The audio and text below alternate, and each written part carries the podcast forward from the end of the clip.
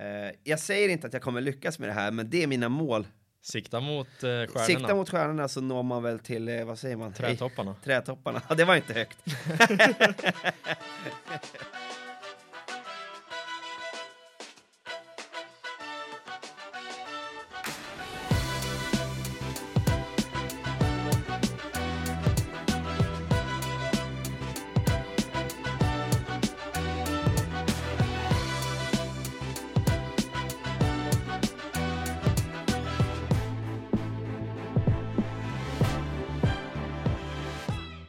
men eh, då tar vi och säger hej och varmt välkommen till Snöskoterpodden. Helt sjukt att det redan är dags för avsnitt nummer fyra. Idag sitter jag här med en riktigt, riktigt intressant person, nämligen Mattias Sandberg som både äger och driver online-skotertidningen Sledtracks. Varmt, varmt välkommen Mattias. Tusen, tusen tack Erik. Hur känns det att vara här? Det känns fantastiskt bra. Helt underbart att äntligen få vara en del av, eh, av eh, Skoterpodden. Ja Ja. men liksom välkommen in i värmen, Ja. så, vill jag, så vill jag säga. men det är lite vad det känns som här. Ja, härligt. Mm. Om vi ska förklara för de som inte vet, vad är Sledtracks för något? Sledtracks, eh, allting kokar ner till en kärna. It's a lifestyle som också är vår slogan. Eh, Snyggt, fick du med det? Ja. Vi är ett livsstilsmagasin för skoteråkare runt om i både Sverige och till viss del Norge.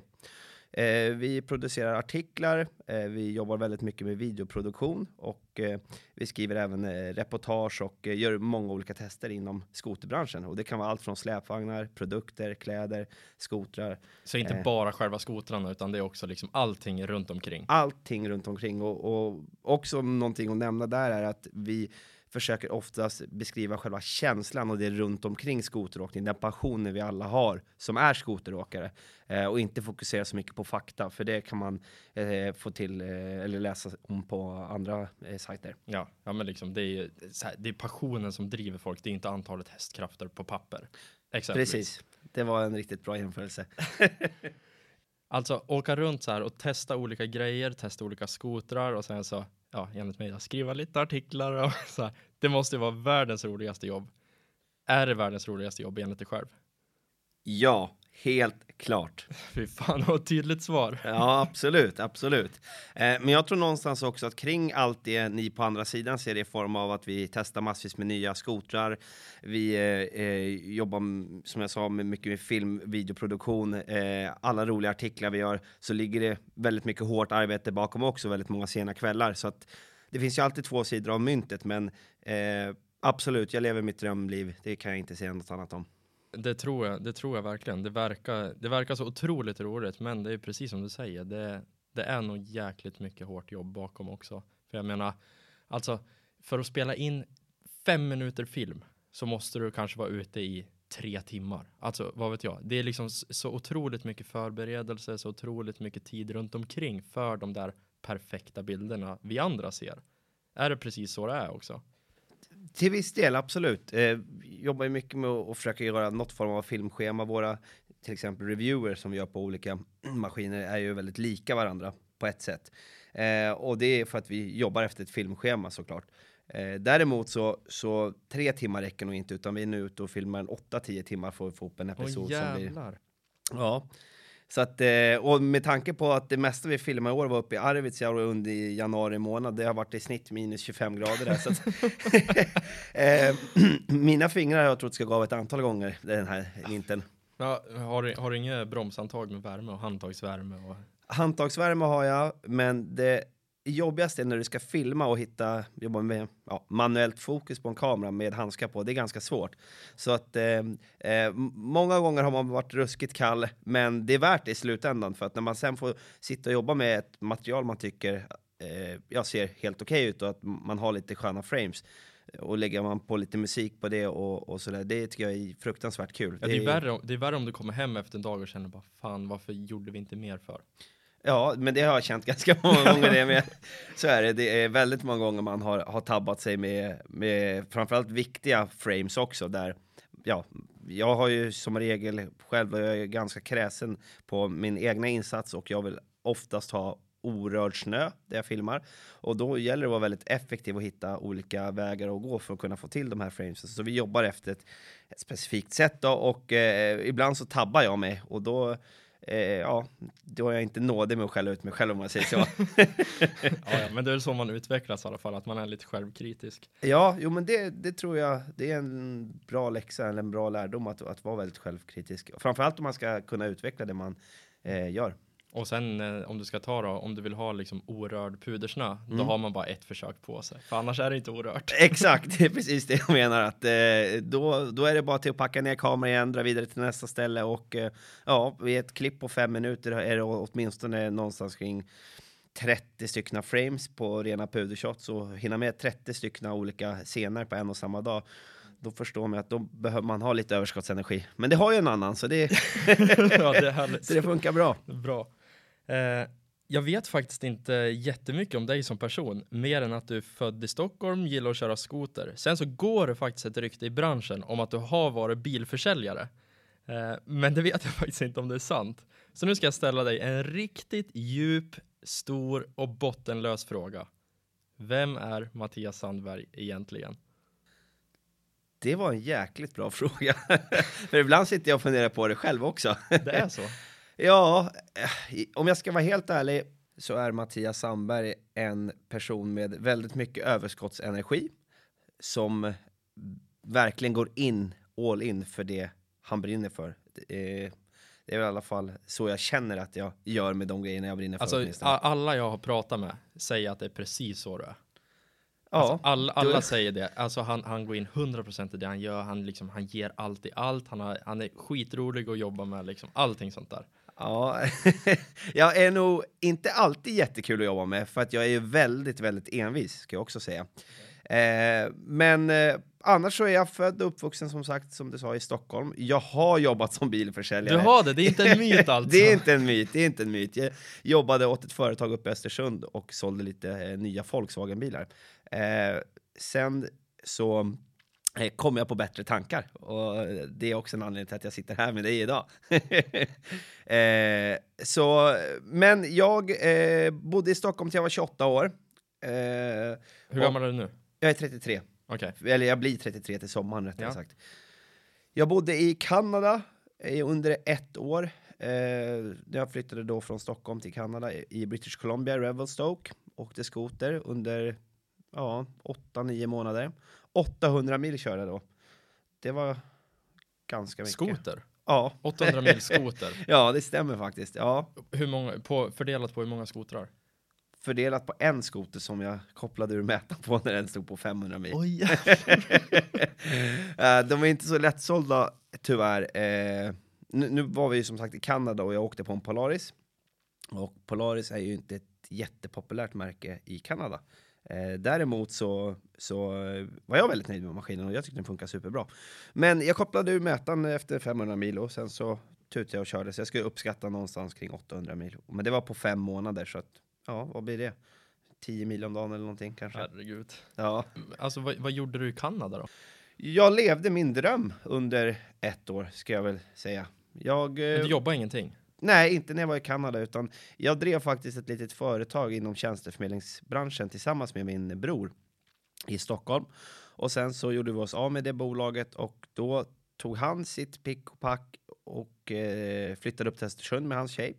Och jag Ja, jag tog mitt pick och pack och flyttade till Revelstoke. Du tog det ett steg längre, du åkte till Revelstoke istället. Ja, precis. Eh, jag kände väl att att jag verkligen ville uppleva ja, men en dröm som jag haft att få köra skoter i Kanada och eh, ja, det, det, passade väldigt bra i livet just då. Så jag, jag drog i de trådarna jag kunde och eh, löste ett boende där.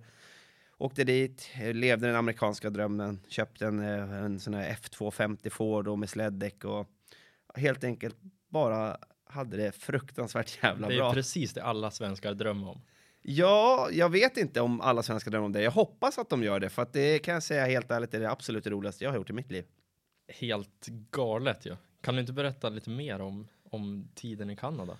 Jo, eh, jag började ju, vi började faktiskt att bila i USA under sex veckor, nerifrån Las Vegas, eh, San Diego, Los Angeles, San Francisco upp till Seattle. och eh, ja, gjorde den här eh, roadtrippen som, som eh, många gör längs västkusten. Då.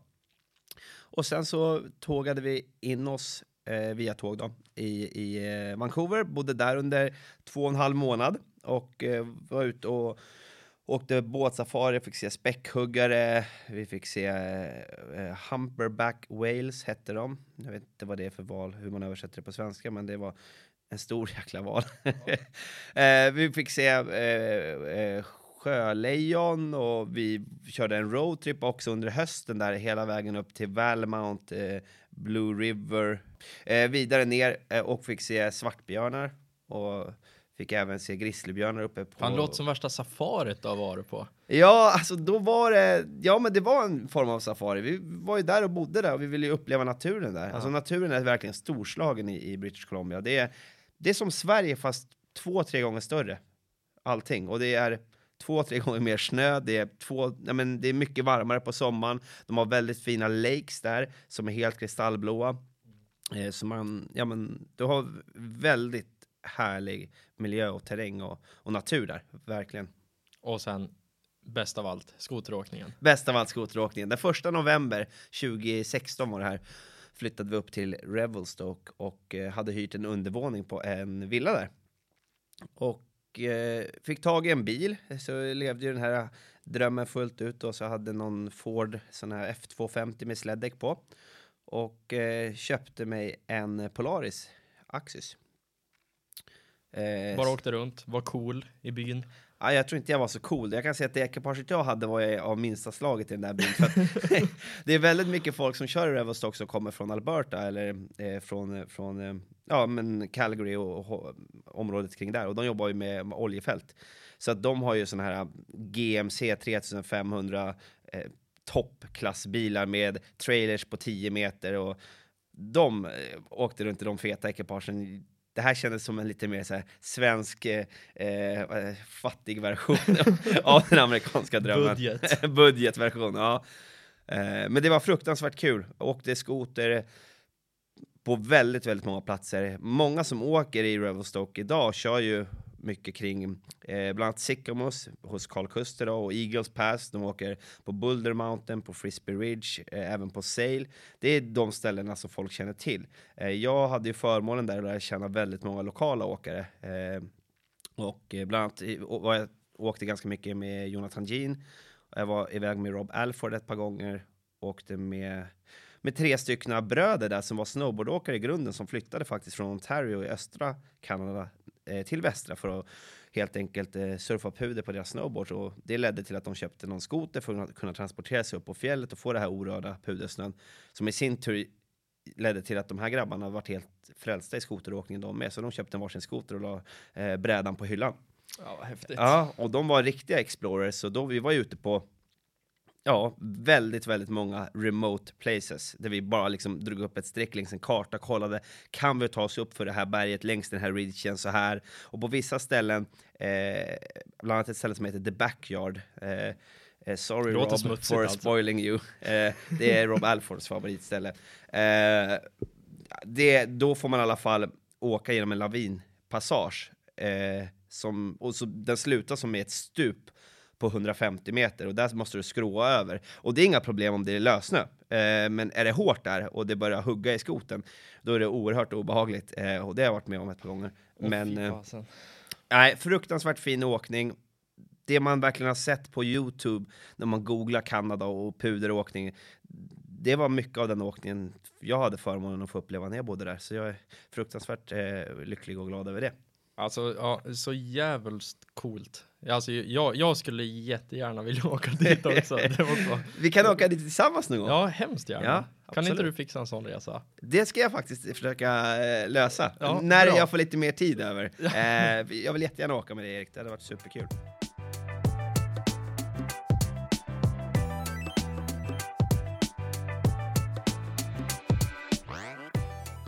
Men sen då, när du, när du liksom kände dig klar i Kanada, du var där ett år, vad gjorde du då, då, när du kom hem? Nu snubblar du faktiskt in där lite på, på det jag gör idag med Sledtracks. Eh, för det var faktiskt under Kanadaresan, i början på Kanadaresan, jag kontaktade Sledtracks eh, och frågade om de var intresserade av att ha en artikelserie, reportageserie från Revelstock med tanke på att, att många som, som kör skoter där hemma har ju som dröm att åka till USA eller Kanada och köra. Alltså jag känner igen det där. Jag tror att jag lä- jag tror jag har följt det där. I alla fall läst några reportage. Ja. För jag, jag minns att jag läst sled tracks vid den tiden. Ja. Och sen att det var någon, någon liten joppe som var och körde i Kanada. Jag visste inte vem Ja. det var då. Ja, vi kallade det för Revelstock Series och eh, man, man eh, var väl kanske inte den bästa skribenten eller fotografen på den tiden. Men jag tror ju att, att kanske någonstans den passion jag, jag har för skoteråkning löser igenom de artiklarna jag skrev. Så att, eh, eh ja, men jag gjorde en artikelserie därifrån. Eh, och när jag kom hem från Revelstoke så flyttade jag upp till Östersund, där jag bor idag. Eh, och eh, jag hade väl många tankar och idéer redan med Sledtracks när jag hade skrivit för dem ett halvår att jag ville som utveckla hemsidan, jag ville liksom göra lite nytt och fräscht, jag ville börja jobba mer med video som jag hållit på med ett par år eh, sen innan då. Och eh, jag tycker till viss del att skotertidningsbranschen generellt har varit lite förlegad. Och jag kände att det behövdes något nytt och fräscht. Och eh, de som drev Sledtracks då, som självklart har gjort ett fantastiskt jobb, det är Johan Karlsson eh, uppe i Umeå och Mikael Tarander nere i Dalarna. Eh, de kände som att de inte hade samma driv och engagemang längre eh, som de hade när de väl startade Sledtracks. Eh, så då eh, diskuterade vi fram och tillbaka och jag pushade dem ganska mycket om att jag hade massa idéer hur man skulle kunna göra Sledtracks, ta det till nästa steg och göra det ännu bättre. Och det slutade väl med att eh, jag fick möjlighet att köpa Sledtracks och det gjorde jag nu då, för ja, det är ett och ett halvt år sedan. Okej. Så det, det här är andra säsongen du driver sled tracks? Ja, det kan man säga att det är. Ja. Okej. Hur länge har sled tracks varit igång? Sledtrack startades eh, inför vintersäsongen 2010, så att vi har tioårsjubileum. Ganska inarbetat namn då ändå. Ja, det får vi fråga folk där ute. Men, Ja men, liksom, ja. det har ju varit igång länge. Ja, men vi, vi har varit igång länge. Sen är ju, som sagt, det är en internettidning, men vi har ju, vi har ju alltid haft egentligen ända sedan 2012 hade ha- varit det största magasinet till antalet läsare och nu i år så har siffrorna exploderat så det känns verkligen superkul med tanke på allt jobb vi alla eh, på tidningen har lagt ner. Eh, så känns det som att äntligen börjar det bära lite frukt och att, att vi får ut det vi vill göra och att vi får ut namnet och att, att folk uppskattar också det vi gör. Ja men nu, ni har ju liksom tagit ett steg längre. Nu är det inte bara artiklar och reviews utan nu är det ju liksom det är filmproduktion, det är lösna tester, det är liksom ni monterar olika delar, ni anordnar event uppe i Saxnäs som jag bland annat var på Ja. och till och med jag hade första intervjun så att Hur var det? Gillade du det? jag tyckte det var skitroligt. Ja, men vad alltså kul jätteroligt event. Jag, ja, jag vill verkligen åka dit nästa år igen. Vad så bra. Det, det tycker jag faktiskt att alla lyssnare där ute också att har ni möjlighet att åka på det här eventet så åk. Det var jätteroligt. Och just så här, ingen press, inga krav, man bara träffas, jättemånga människor, alla delar samma intressen och har jätteroligt tillsammans. Mm. Nej, men det, det vart lyckat i år. Vi, vi eh, hade ju en fototävling som sagt, det är det det handlar om. Men det som är viktigt för oss är ju att det spelar ingen roll om du är en nybörjare eller om du är erfaren, om du åker på den senaste skotern eller om du har en skoter som är 25 år gammal. Det är för allt och alla, för det är så vi vill ha vårt magasin. Att det är för allt och alla. Och, och om, kul att du gillade förresten förra året, men om du tyckte det var bra förra året så är det inget mot vad det kommer vara nästa år. Jag har, ju bra. jag har stora planer. Jag hoppas att kunna ro dem i land, för i sånt fall så kommer det vara ett ruskigt galet event förhoppningsvis. Hur många är det som jobbar på Sled Tracks? Vi är sex personer i dagsläget. Eh, jag är den enda dock som jobbar heltid med det, men vi har eh, fem skribenter.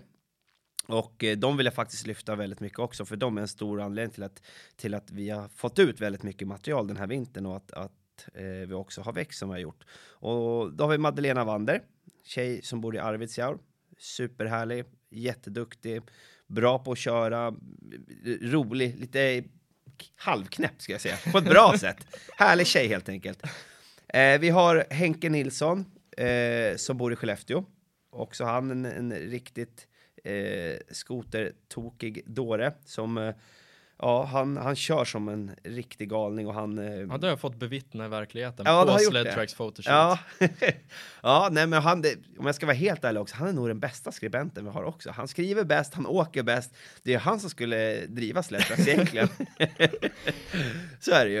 Eh, sen har vi Andreas Renberg, Arvidsjaur, också en jättehärlig kille. Eh, han har varit med på tidningen ett par år tidigare också. Eh, både Henke Nilsson och Adelina Wander är nya för den här säsongen. Vi har eh, också Jörgen Wallemansson som är ny på tidningen från Boden. Superhärlig kille som eh, kör på en Yamaha i år och skriver om den, har gjort ett jättebra jobb. Och Just, så, jag, jag kan bara flika in Mm. där, för ni åker ju på olika maskiner allihop. Så att Stämmer alla bra. testar olika maskiner under en hel säsong. ja, det är vårt upplägg. Eh, vi har, vi har eh, fem långtestare, eh, så en maskin av varje märke som vi provkör under hela vintern och skriver långtestrapporter om. Det är en del av det, det Sledtrax är. Sen, Mm. som jag sa, vi jobbar väldigt mycket med videoproduktion och vi försöker också göra lite olika reportage. Vi har någonting som heter Månadens profil där vi skriver om olika profiler i skoterbranschen. Eh, Vi har mycket nyheter som kommer ut. Vi har Tracks Impressions där vi skriver om alla modeller som kommer nästa år, våra första intryck om dem. Eh, så att, eh, ja, nej men alla har en långtestare. Eh, Återigen då, vi har en till skribent och det är ju tillika min kollega och partner i Sledtrack, så det är André Jonsson från Boden. Han har också varit med i tidningen ett par år. Så att eh, de har gjort ett fantastiskt jobb alla de, eller alla vi tillsammans har gjort ett fantastiskt jobb. Eh, och Och det har gått bra. Hur många, hur många läsare har ni varje månad? Mätt på från oktober fram till dagens datum så ligger vi någonstans kring 105, 110, 120 000 vissa månader. Unika läsare. Oj, finns det så många skoterintresserade i Sverige? Det låter helt Ja, sjukt. det, det låter helt sjukt, men eh, ja, vi, vi låg någonstans förra året så låg vi, vår bästa månad var då februari, då hade vi precis 100 000 unika läsare. Och när jag var inne och kikade häromdagen nu så, ja, 689 000 stod det sedan oktober. Men då ska vi Shit. väga den siffran också. Så, men säg någonstans kring 110 000 unika läsare Det är per grymt månad. ju. Alltså vilket jäkla jobb att få så många läsare. Det är jättebra. Ja, vi får väl se om, om de kommer fortsätta läsa Sledtracks efter det här. jo, då, men det tror jag. Ja, nej, men eh, vi kommer fortsätta storsatsa, helt klart. Eh, och eh, vi har jättemycket grejer i pipen inför eh, nästa säsong. Men framför allt en grej jag kan berätta mer öppet om nu är att Sledtracks eh, blir ett helårsmagasin. Så att från och med början på maj månad så kommer det komma ut massvis med härliga artiklar om både UTV, ATV, det kommer vara om side by side, det kommer vara om vattenskotrar. Så att vi Ja, satsar roligt. Ja, ja, vi, vi, vi ska köra här i sommar också. Så hoppas vi att, att, att många av dem som läser Sledtracks på vintern nu också tycker att det är kul att läsa om de här sommarprodukterna. För jag tror att många faktiskt kör, kör vattenskoter och ATV och sånt där på Ja, sommaren men alltså också. skotermänniskor, det är ju liksom, det är ju motorfolk. Ja, Alltså det är inte så att de sitter och spelar schack på sommaren Nej. om de har en skoter på vintern. Det är ju liksom inte den typen av människor. nej, så är det ju helt klart. Men alltså det, det här, alltså, när du pratar om ni ska skriva artiklar hela året, ni skriver jättemycket artiklar på vintertid, allting. Det leder mig in på, har du någon journalistisk utbildning? Det var en, en väldigt, väldigt bra fråga. Nej, det har jag inte. Jag har faktiskt inte det. Men jag vill också till mitt försvar säga att, att sen jag tog över Sledtrack så har vi gått, det var ju en ren och skär nättidning då. Nu skulle jag inte bara kalla oss för en nättidning. Jag skulle snarare säga att vi är en blogg slash tidning, alltså en livsstilsmagasin. Så att vi försöker gå ifrån det här lite med tidningstänket.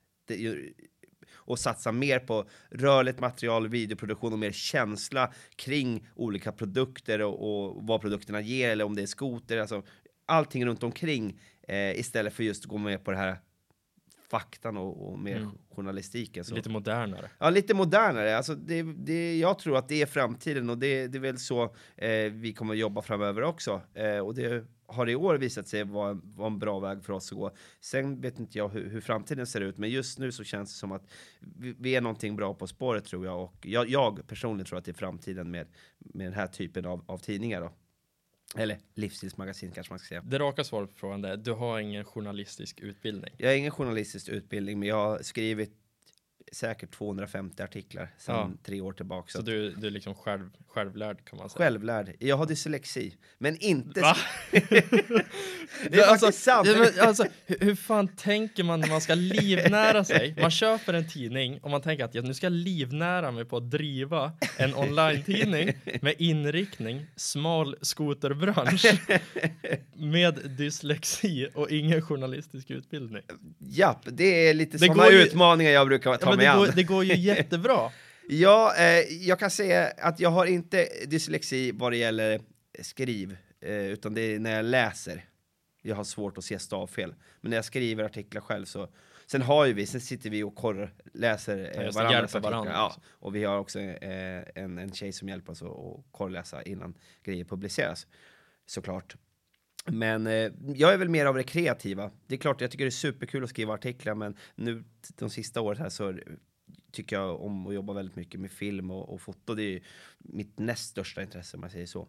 så och framförallt eh, sitta och redigera tycker jag är fruktansvärt kul. Ja, Mm. ja men liksom okej, så du, du är egentligen idésprutan, lite, lite hjärna och spindeln i nätet, du gör lite olika saker och sen så fokus på film. Det där med hjärna, det vet jag inte om jag har så mycket av.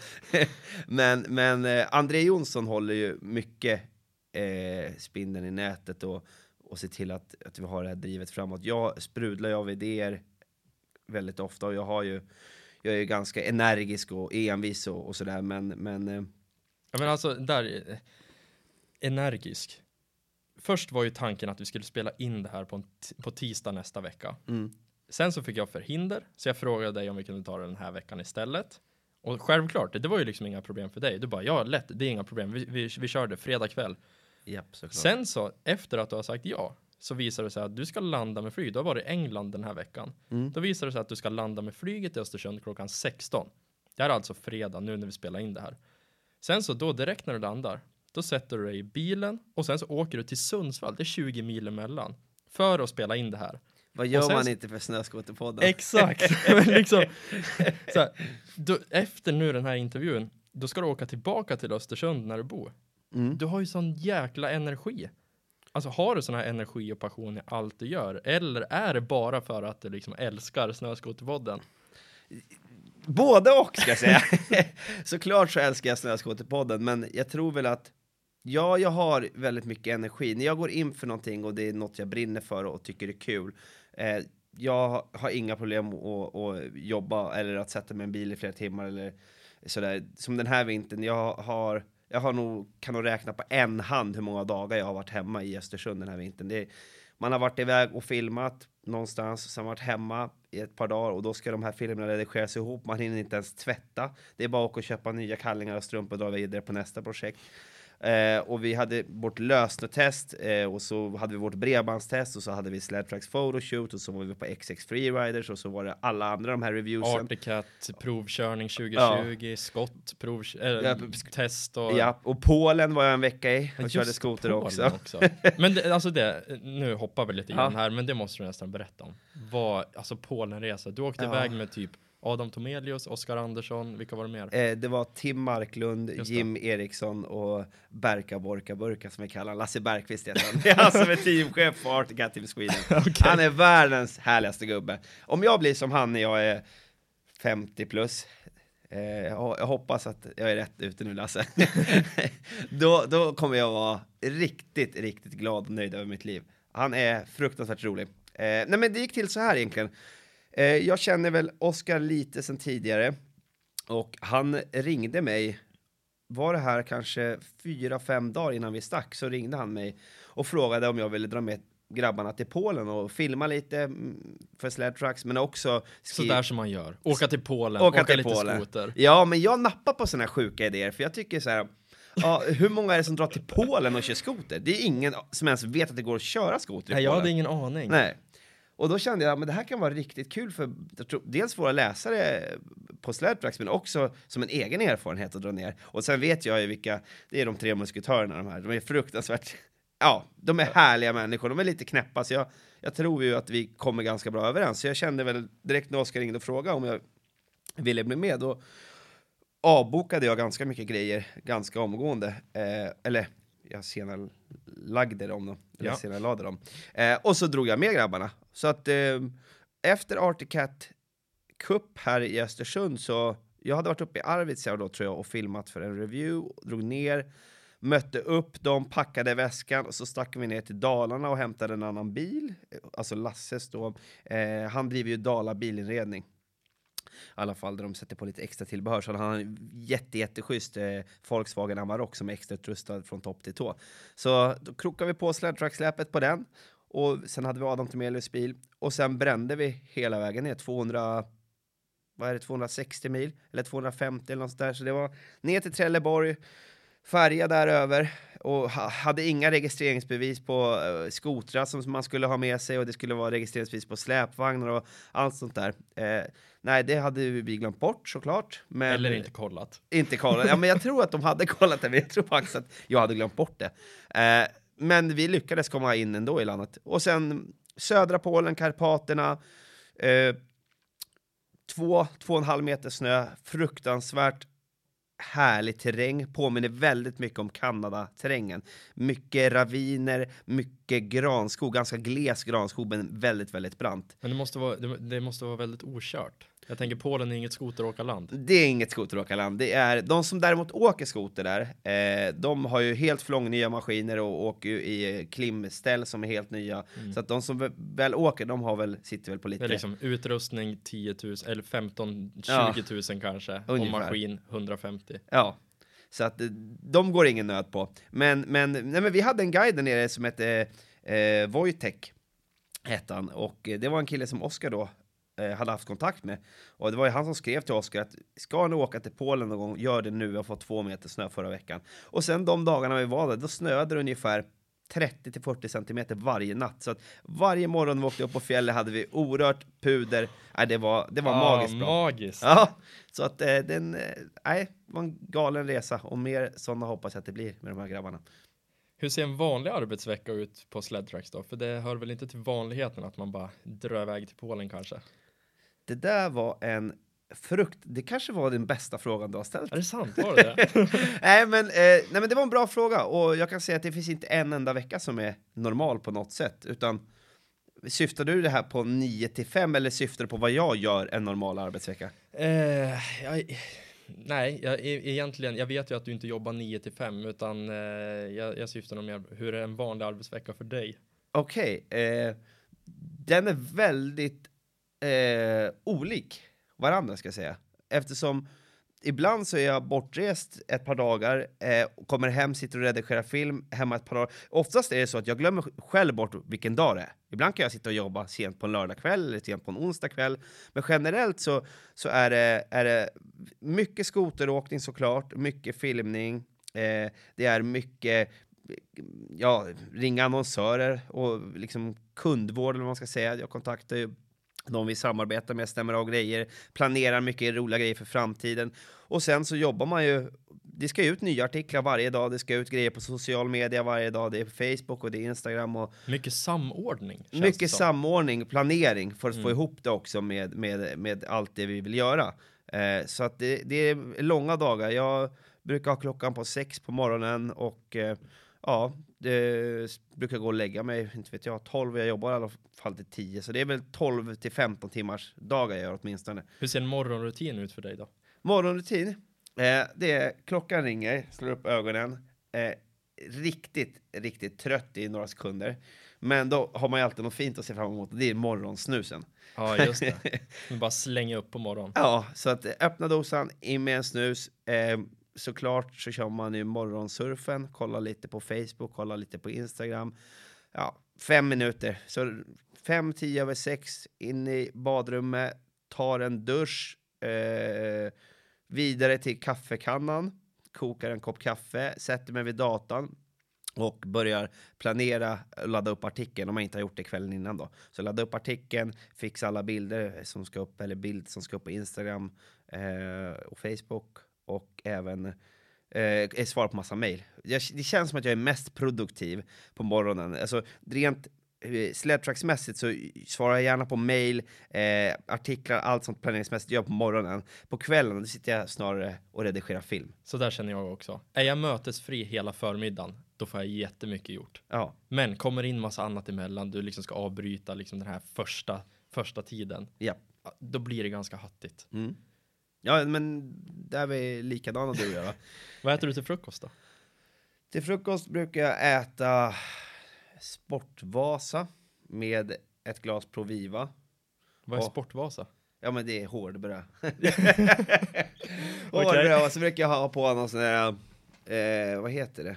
Ja, men typ Philadelphia-ost och sen typ rostbiff eller någonting. En riktig jävla byggarfrukost. Ja. Skoteråkarfrukost. Skoteråkarfrukost, helt klart.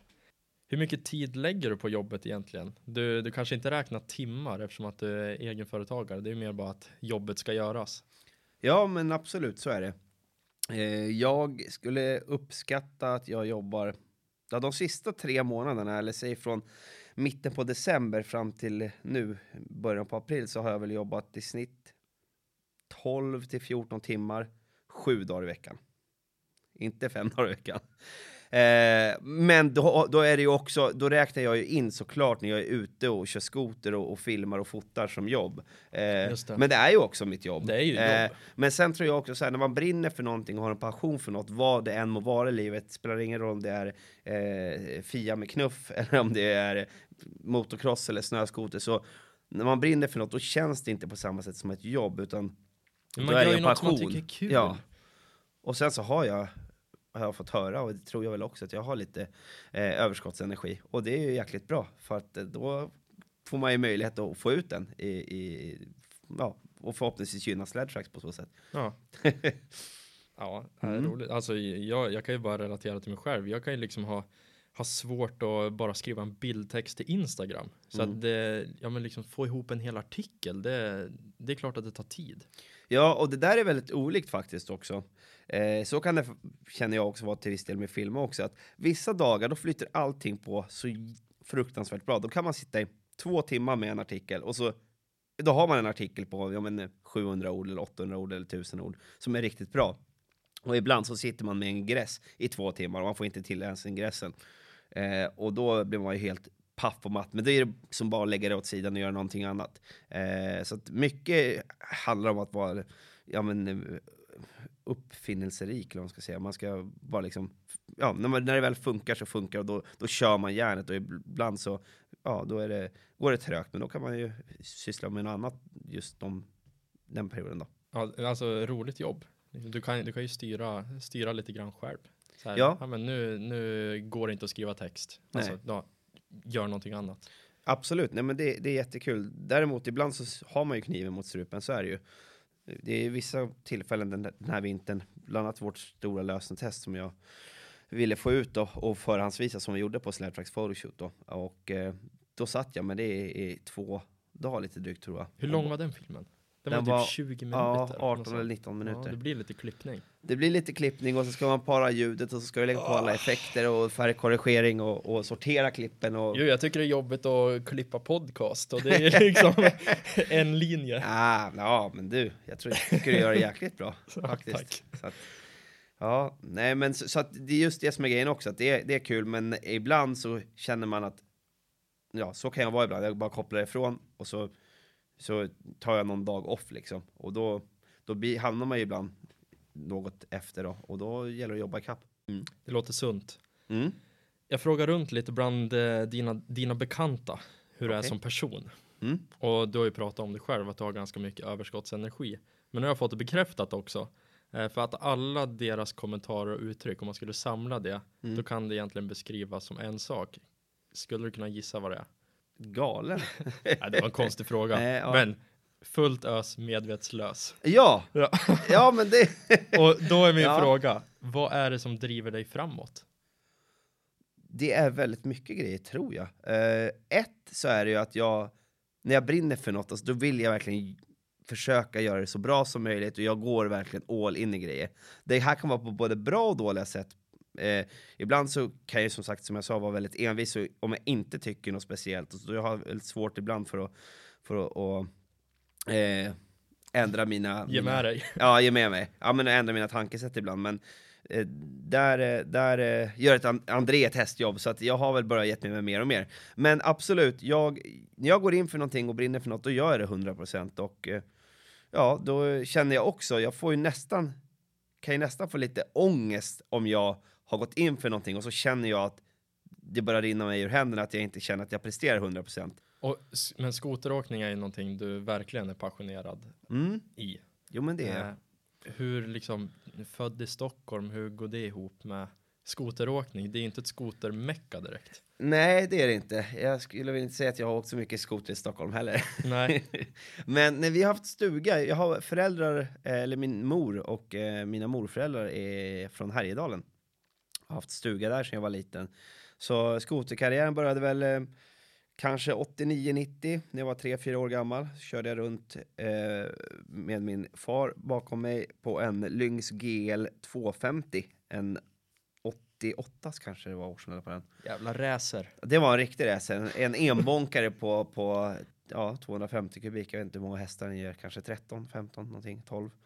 Det var, det var ingen, eller det var ingen höjda skoter. Det var en fruktansvärt bra skoter, absolut. Men om man jämför med, mot dagens modeller så, så var det ingenting. Men jag hade fruktansvärt kul på den. Jag och min, min bror åkte tillsammans på den under ganska många år och vi tolkade bakom den och vi slogs om den och det var, ja, det var det inte krig så var det kärlek om den här skoten. Det, det var eh, alltid fullt ös med. Och redan då så kände jag, alltså, det är klart att inte jag har minnen sedan jag var två år, men när jag var väldigt ung så kommer jag ihåg, det kan jag tänka tillbaks på än idag, att hur jäkla kul jag hade det där uppe.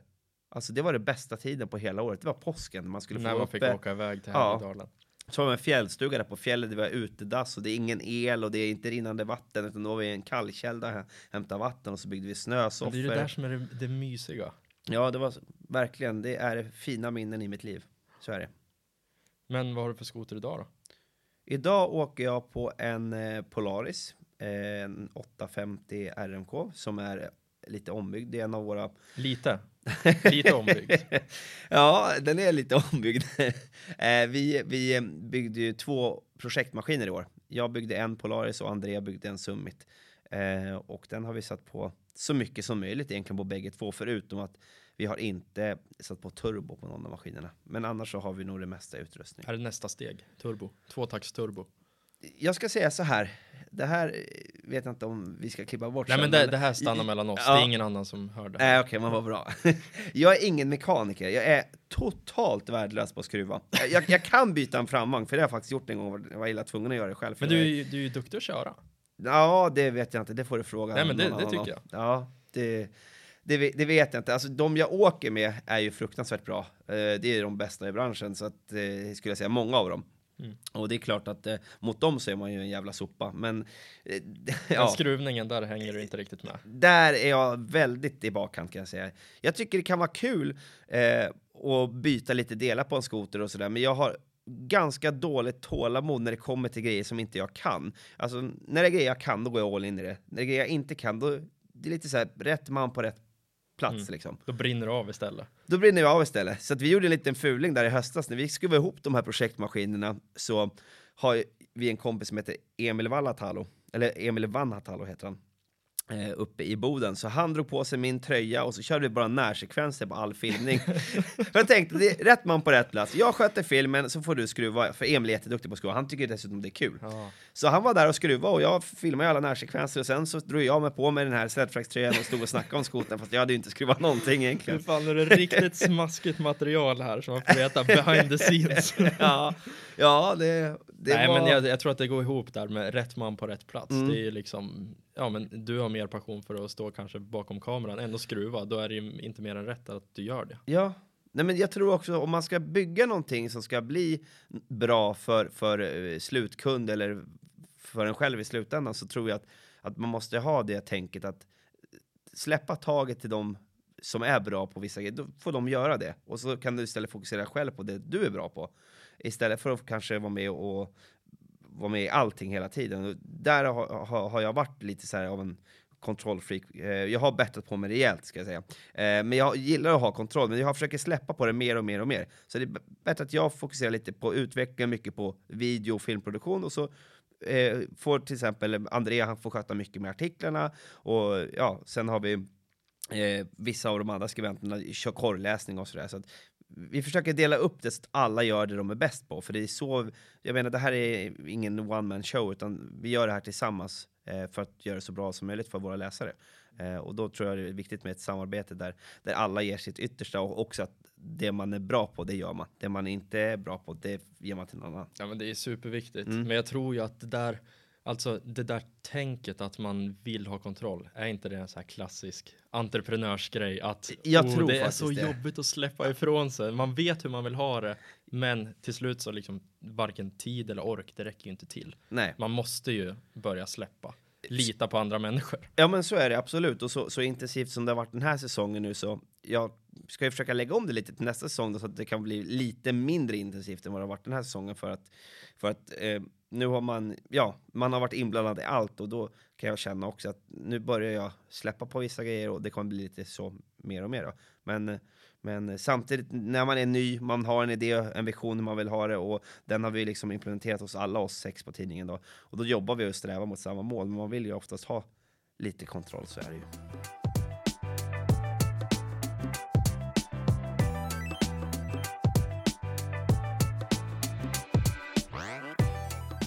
Vad har du för tips för att lyckas som företagare? Jag har tre tips, skulle jag säga. Eh, första tipset det är att våga. Och då menar jag att tror du på någonting, våga göra det också. Det är många där ute som pratar och snackar om att ja, men jag skulle vilja göra det här, de har idéer som är jättebra. Men om de aldrig utövar dem eller, eller, eller liksom startar upp de här idéerna, då kommer det ju aldrig bli någonting. Det kommer in ut i sanden. Så för att ens kunna eh, lyckas inom entreprenörskap, så våga. Min, mitt andra tips är att göra någonting som man brinner väldigt mycket för. Som jag Inte fokusera på pengar kanske? inte alls fokusera på pengar. Hade jag velat fokusera på pengar så hade jag väl försökt starta upp en eh, tech, eller tech-business. liksom. eh, inte, inte en skotertidning, för att det är Nej, inte det är ganska smalt. Det är ganska smalt och nischat och det är inte några superstora pengar i det. Eh, men däremot är det fruktansvärt kul och det är, det, det är min största passion här i livet. Så att, eh, tredje tipset, det är att jobba arslet av sig, rent ut sagt. Att, men det hänger ihop också med passion, för har man passion för någonting, då ser man inte jobbet som ett jobb. För då tycker man det, om, det, om man har en passion och man brinner för något, man har det nästan som en hobby, då gör man oftast grejerna riktigt bra för att eh, då lägger man ner extremt mycket tid på det.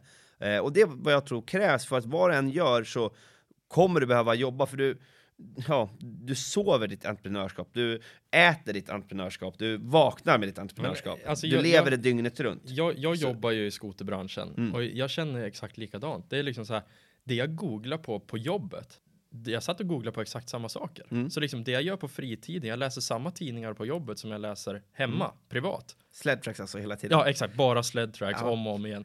nej, men liksom, ja, men Ja. det, det blir inte jobbigt. Jobbar du över en timme, nej, men det är inte hela världen för Nej. att du tycker att det är roligt i grunden. Ja. Och Så jag är tror ju att det, det är ju liksom nyckeln till att orka, för det går inte att bara fokusera på att ah, jag, jag ska göra det här för att Nej. tjäna pengar, jag ska göra det här för att nå dit, om du inte tycker att det är kul. Nej.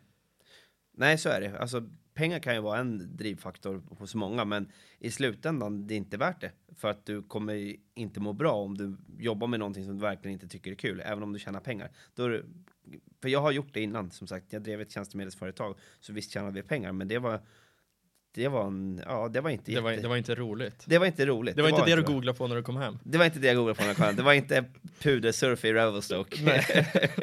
Eller det var inte som pudersurf i Revelstoke, men nej, så att det är bra tips. Men framförallt att ha passion för någonting och att vara beredd att jobba väldigt hårt. Och gör man det, då kan jag lova er alla där ute att då kommer man lyckas. Om man jobbar med någonting man verkligen brinner för och man jobbar väldigt, väldigt hårt. Sen såklart så, så är det ju en fördel om du är bra på att sälja eh, eftersom allt handlar ju om att få in kunder oftast. Sälja in sig själv eller Ja, sälja in sig själv eller produkter eller företaget. Det må vara. Mm. Vad har ni för framtidsplaner på Sledtracks? Ja, det var vi inne på lite tidigare där. Vi börjar ju nu skriva om vattenskotrar, ATVs och UTVs, så vi gör om det till ett helårsmagasin, så det känns fantastiskt kul. Eh, och eh, det kommer satsas ännu mer på videoproduktion framöver. Eh, både här i sommar, men framförallt till nästa vinter. Eh, vi har massvis med spännande och nya tester vi ska utföra i videoproduktion. Eh, vi ska göra vårt event ännu större och ännu bättre. Och, eh, Kan du ge några detaljer kring eventet? Ja, jag kan säga att i år var vi 70 personer. Och eh, det var bra för att vara första året. Och, och som vi har fått, den feedbacken vi har fått så, så, så har det verkar som att folk är nöjda. Eh, men vi nöjer oss inte där. Vi vill ha ett event som är en eller två dagar längre, men som är för där vi bokar upp antingen då eh, en hel anläggning för det här eventet. Så runt 200 personer. Vi vill dra dit alla det här är höga tankar, men vi vill dra dit alla generalagenter som går in som sponsorer så att alla får möjligheter att, att köra, eh, köra årets maskiner i riktigt terräng. Då. Eh, vi hade ett prisbord i år som var på 100 000 och eh, jag hoppas att nästa år kunna ha ett prisbord som är på nästan 200-250 000. Eh, jag säger inte att jag kommer lyckas med det här, men det är mina mål. Sikta mot eh, stjärnorna. Sikta mot stjärnorna så når man väl till, eh, vad säger man? Trädtopparna. Trädtopparna. det var inte högt. Nej, vi får se hur det går. Men vi har mycket sådana eh, grejer på gång eh, inför nästa vinter och eh, vi för oss är det otroligt viktigt också, det jag pratade om tidigare här med lite jag känner kring den förlegade skotertidningsbranschen, det är att det vi gjorde med Slätracks, är att vi bytte ut hela redaktionen. Vi är ett nytt, ungt, fräscht, eh, fräscht vet jag inte om jag men ett nytt, ungt gäng i alla fall. Åldrarna liksom 25 till 35. Det är inte så vanligt bland de andra tidningarna. Eh, vi, vi satsar väldigt mycket på videoproduktion. Vi har en, en tjej med som skribent. Eh, vi, vi satsar mycket på allting runt omkring skoteråkning, inte själva faktan kring skotrarna och kamhöjd och allt det här som, som folk egentligen kan redan få reda på på tillverkarnas eh, hemsidor. Utan eh, vi gjorde om det, vi gjorde en ny plattform som är mobilanpassad. Man kan spela upp som ett exempel alla våra videoepisoder direkt i mobilen. Eh, så att eh, det är lite av den satsningen framöver vi ska göra nu också. Det vi har, eh, som jag vet att, som är väldigt viktigt för oss att, att, att eh, ändra lite till nästa säsong, om jag ska ge, ge, lite kritik, det är att vi måste bredda oss och det kommer vi göra nästa säsong. Vi kommer, eh, I år hade vi ett bredbandstest som var väldigt uppskattat där vi provade fem stycken bredbandare. Eh, en var inte en bredbandare ska jag säga, men det var fem arbetsmaskiner, utility-maskiner. Nästa år så ska vi ha eh, ett stort ledtest, kommer vi ha. Ja just det, ni har liksom riktat in er i år kanske lite smalt på typ lösna. Ja, det har blivit det i och med att hela branschen har blivit friåkning, friåkning, friåkning. Däremot så känner jag att vi vill ju nå ut, ska vi kunna växa ännu mer som jag vill göra så, så gäller det att bredda sig. Så vi, vi håller på de här veckorna som kommer här nu att göra klart inför alla eh, skoteravtal inför nästa säsong. Då. Så vi kommer åka på blandade maskiner nästa år. Eh, det, självklart kommer det vara stort fokus på, på lösna och, och friåkning eftersom det är det största segmentet. Men vi, vi tänker inte stanna där utan vi, vi kommer skriva väldigt mycket och göra mycket tester också på, på både bredbandare, på ledmaskiner, eh, på eh, eh crossover-maskiner. Eh, så att vi hittar någonting som passar för alla. Ni har en spännande framtid. Jag hoppas det, vi får väl se. du Mattias, eh, nu har vi snart spelat in en timme. Hur tycker du att det har känts? Det har varit superkul att vara här. Riktigt härligt och kul att träffa dig Erik. Kul att och, och, uh, få vara en del av, av Skoterpodden och ja, det känns som att uh, du har också en väldigt ljus framtid till mötes. Nej, sluta, det säger du bara. Nej, men ni har gått som en raket. Herregud. Visst har ni? Ja, nah, jag vet inte. inte. Inte lika bra som er. Men det blir, det blir. Ja, förhoppningsvis. Förhoppningsvis så tycker folk att det är roligt att lyssna på i alla fall. Ja. Jag tycker att det här avsnittet har blivit jättebra. Jag tror att alla människor där ute också kommer tycka att det har varit jättebra. Jag tycker det har varit väldigt roligt att träffa dig. Man blir motiverad av en så glad, energisk person. Man, jag vet inte, jag, jag, har en bra känsla i kroppen. Jag tror att det här kommer bli riktigt bra. Om man skulle vilja komma i kontakt med dig, mm. hur gör man då? Då mejlar man mig på mattias sledtracks.se. Mattias med dubbel T. Dubbel T och inget H. Så mattias sledtracks.se. Eller mitt telefonnummer står ju också på hemsidan. Om man är intresserad av något form av samarbete eller har frågor. Jag har, tar emot samtal ganska ofta på folk som är intresserade av att köpa skotrar och frågar ja, liksom mig då, vilken skoter ska jag köpa av? Det, det är ju väldigt ganska svårt att ge ett svar på för att det beror på vad du ska använda skoten till. Och alla tillverkare, både Yamaha, Lynx, Skido, Polaris och Artcat gör riktigt, riktigt bra maskiner. Så att inget val är ett felval, utan allt beror helt enkelt på vad, vad man vill använda maskinen till och vad man är intresserad av att göra med maskinen. Eh, så det är i alla fall kul att folk hör av sig och använder oss på Sledtrack som någon form av referenspunkt. Då känner man ju att man har åtminstone bidragit med någonting. Skapa tillit. Folk litar på er. Ja, det hoppas jag att de gör, men jag vet inte om det är bra för dem själva att göra det. eh, ja, men det är kul. Helt klart. Jätteroligt. Skulle du vilja säga någonting som jag inte har frågat om? Det har varit skitkul att vara här. Och jävligt kul att träffa dig, Erik. Och jag hoppas att jag inte har skrämt iväg några av våra läsare och eh, vill samtidigt passa på att tacka er alla som varit inne och eh, läst och tittat på våra episoder under den här säsongen. Fy fan, vackra ord. Vackra ord. Mattias Sandberg, stort tack för att du ville vara med. Tusen tack, tusen tack.